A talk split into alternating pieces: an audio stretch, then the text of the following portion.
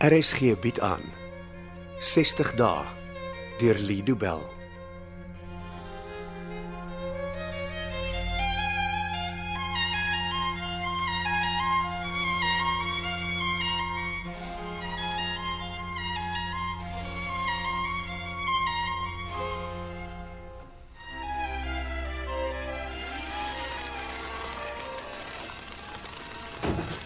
Richard se PA het laat weet hy's oor 'n paar minute hier. Hy maak gaan met 'n kliënt klaar. Ja, goed, okay.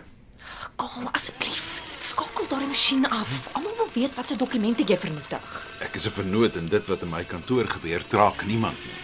Watter dokumente shred jy? Hierdie is privaat, dis persoonlik. Is dit die dokumente wat Susan moes teken? Ja. Dit maak deel van my verdedigingsstrategie uit. Van watter saak praat jy? Ons het niks wat nou aan die hof voorgelê moet word nie. Een van die twee sake teen my wat Richard se mense vanoggend op my lesenaar gelos het. Ek hoor jy moes teken daarvoor. Susan is ernstig. Sy wil skei en sy wil weer beheer oor haar geld hê. Van watter strategie praat jy? Maar ek sal sê dat die dokumente nooit bestaan het nie. Dat sy so omgekrap deur die ongeluk in haar drinkery was dat sy haar verbeel het. Sy het so iets geteken. Mm, ek weet nie of hulle so 'n storie sal glo nie. Seker Richard wat klop. Sal ek hom laat inkom? Ja. En sal jy my dagboek vir die res van die dag oop hou? Kom in meneer April. Meneer, sal jy wag vir jou? Ah, dankie. Richard, kom, kom sit. Middag, Karl. Ek wil my seker sien oor die twee dagvaardigings. Nee, nee, ek het gedink ons kan gesels oor die nuwe koffiemasjien wat ons wil koop. Natuurlik wil ek oor die dagvaardigings praat, Ek Richard. is jammer dat dit gebeur, maar ek is seker jy sal saamstem dat dit moes gebeur. Ag, twak man. Niemand is ooit gelukkig as 'n skei saak se dagvaardigings afgelewer word nie. Oh, hoe slim van jou om dit te besef. Jy word op jou ou dag 'n wyse man. Ek het al genoeg skei sake hanteer om te weet wat volgende kom. Wat? Gewoonlik is dit 'n vorm van woede. Ja, en ek wonder hoekom dit so sou wees. Karl, ek praat met jou as Susan se prokureur. Jou huwelik is klaar. Dis verby. Na al die jare wat Susan en ek saam was, sal ek nie die woord van 'n ambisieuse junior aanvaar nie. Ek verstaan dat my woord min vir jou beteken, maar ek verteenwoordig Susan in hierdie saak. En ek verteenwoordig myself in hierdie saak. Wat jy by my hoor, is nie tweedehandse nuus nie. Susan wil nie meer aan dieselfde tafel as jy sit nie. Susan is nie by haar volle verstand nie. Ek vra jou mooi om nie sulke aantuigings teen my kliënt te maak nie. Nou hoe verduidelik jy dan die tweede hofbevel waarvoor jy aansoek gedoen het? Susan wil beheer hê oor haar finansies. Sy het vir my instruksies gegee om te verseker dat dit sal gebeur.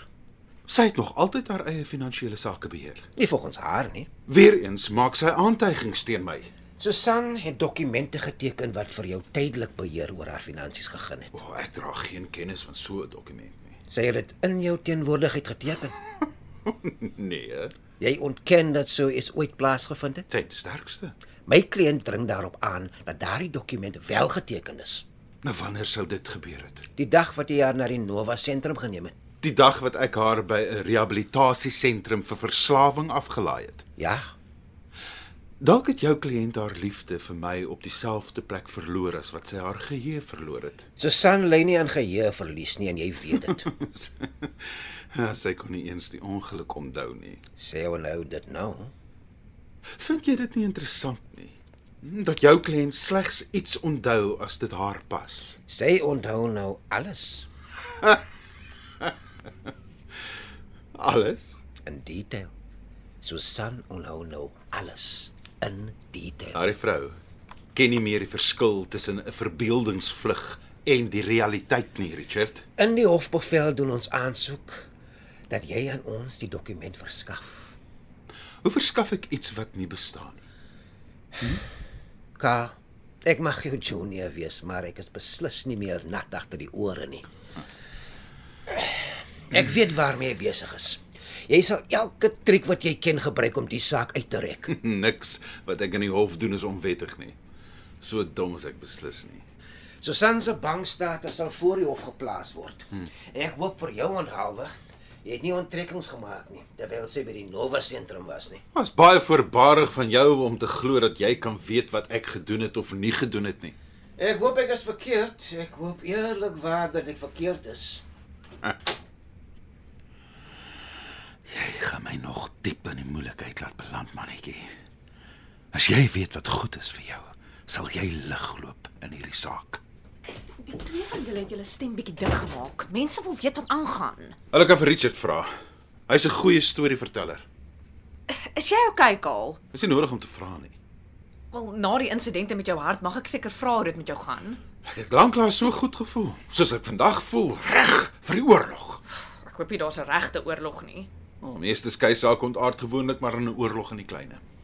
Moet jy met Richard baklei? Kan jy nie net die saak los om sy gang te gaan nie? Hoe kyk jy my dan? Ek ken jou as iemand wat nie daarvan hou om te verloor nie. Jy's nie verkeerd nie. Uh, kan jy vir Dennis kry om my te kom sien asseblief? Dennis Donovan. Ja, die ek- Ja. privaatspeler. Yes, ek moet dringend met hom praat. Wel, Ek weet nie of dit moontlik is nie. Sover ek verstaan, ondersoek hy 'n saak vir Richard se kantoor. Ja, dit was oor Susan se ongeluk. Daai saak is nou teruggetrek. So Dennis is vry om vir ons kantoorwerk te doen. O- Ons het nie sake wat 'n speurder nodig het op ons boeke nie. Dis privaat. Het het Wat dit probeer jy sê, Isel? het dit iets met meneer X te doen? Ja, Kaal. Jy, jy kan nie met hom speel nie. Dis veelste gevaarlik. meneer X speel eendimensionele skaak met iemand wat dit elke dag van sy lewe in 3 dimensies moet speel. Meneer X sal nog sy Moses teekom. Kaal, ons weet nie wie hy is nie. Ons weet nie wat hy kan doen nie. Dit mag waar wees, maar ek weier om vir die res van my lewe in vrees te moet lewe, veralnik nie oor 'n onbekende gedrog wat my wil afpers nie. Kaal, jy moet versigtig wees. Doen jou werk en kry Dennis Donovan vir my. Ek hoop jy weet wat jy doen.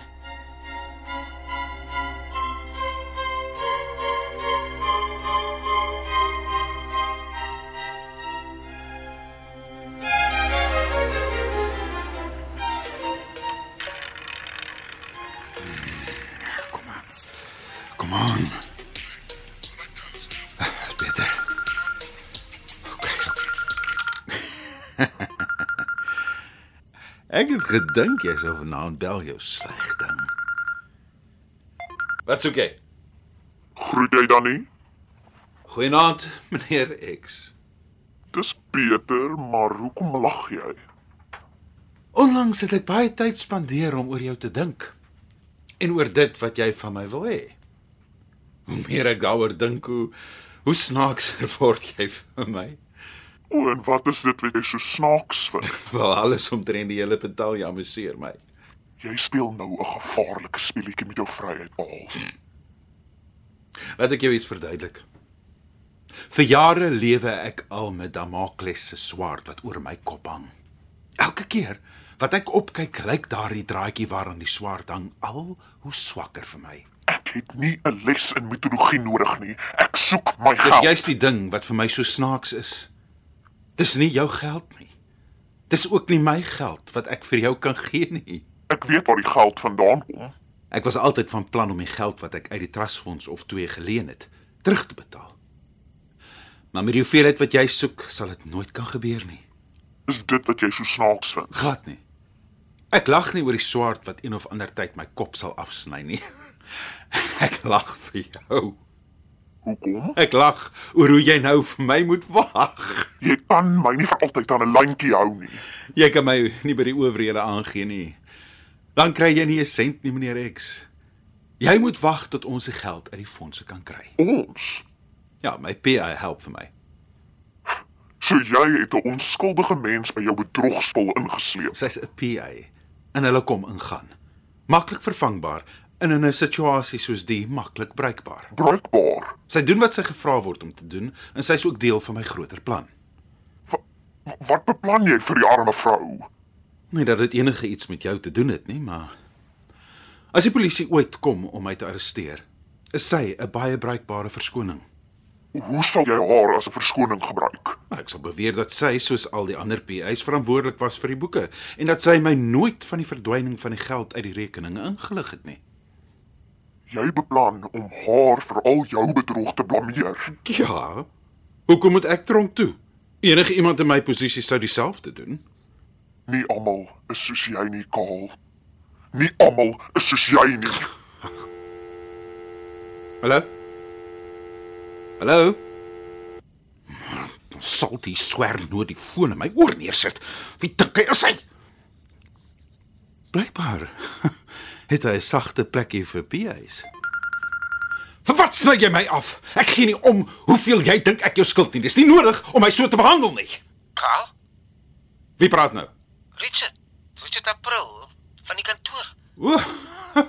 jammer, jammer Richard. Ek ek dog is 'n ou pel van my wat wat weer gek skeer. Jammer man. Ag, is oukei. Okay. Hoekom bel jy? Ek wou nie hê dat die dag moet eindig en ons sit nog vas nie. Dis mos hoe ons beroep werk, Richard. Ons is die ouens wat kan beklei en dan vrede maak in dieselfde tyd wat dit ander ouens sal neem om 'n glas whisky te skink. ek is bly jy sien dit so. Miskien moet ons vir 'n drankie gaan, hè? môre na werk. Ja, jy kan na werk in my kantoor 'n dop kom maak. Ek het 'n bottel 15 jaar verouderde whisky by my pa gekry laas Kersfees. Ek maak so. Dis goed dat ons professioneel kan wees gedurende hierdie moeilike tyd. Jy moet net nie dink ek het skielik sag geword nie. So 'n fout maak ek nie maklik nie. Wat gaan ons doen oor die finansiële state? Wat bedoel jy? Jy sal jou aansoek om 'n hofbevel moet terugtrek. Karl, eh, dit kan ek nie doen nie. Ah, is maklik. Natuurlik kan jy dit doen. Susan is vasbeslote, sy sal nie van plan verander nie. Wel, sy moet. Sy wil van jou skei. Sy sien nie kans om langer met jou getroud te wees nie. Ek praat nie van die skei saak nie. Wat vra jy dan? Ek wil nie hê dat ons finansiële status deur die hele wêreld gesien kan word nie. Niemand kan skei sonder dat jou finansies ondersoek word nie. Vernaamlik nie as daar groot hoeveelhede geld by betrokke is nie. Wat is daar nie is nie. Jou vrou is 'n neurochirurg en jy is senior vernoot by die prokureursfirma. Natuurlik is daar groot hoeveelhede geld betrokke. Ja, mense sou so dink, nê. Nee. Wat probeer jy sê, Kaal? Wat ek jou nie kan kry om te verstaan nie, is dat beide ek en my vrou op die oomblik redelik platsak is. Dis nie wat Susan glo nie. jy bedoel jy bedoel die vrou wat in 'n rehabilitasiesentrum is vir die misbruik van alkohol, glo dat sy skatryk is. Susan weet presies hoeveel in haar bankrekening was die dag toe sy by Nova Sentrum ingeboek het. Daar was onkostes, Richard. Niks is verniet nie. Sy het ook 'n goeie idee van die stand van haar aandeleportefeulje. Ek en jy weet tog hoe wisselvallig die aandelemark kan wees. Dinge loop soms skeef. Ek het jou vanaand gebel om die vrede tussen ons te probeer bewaar, maar jy weier om die realiteit van jou situasie te aanvaar. Ek sê jou sê wat die realiteit van ons situasie is, Richard. Vandag het jy oorlog verklaar. En ek hoop jy is voorberei vir die moeilikste geveg van jou lewe. Dit was 60 dae deur Lido Bell. Die spelers is Frida van den Heever as Susan, Stean Pam as Karl, Renai Klute as Tanya, Charlton George as Richard, Chloe van Rooyen as Lauren, Cole Wessels as Dennis, Ronel Geldenhuys as Magda, Eugenie Wiggins as Betty, Relien Daniel as Essie, Johan Nel as Meiburg, Adrian Havenga as Johan en Hannah Bothwick as Isel. Cassie Lauers behartig die tegniese versorging en dit word in Kaapstad opgevoer onder regie van Anri Gerbst.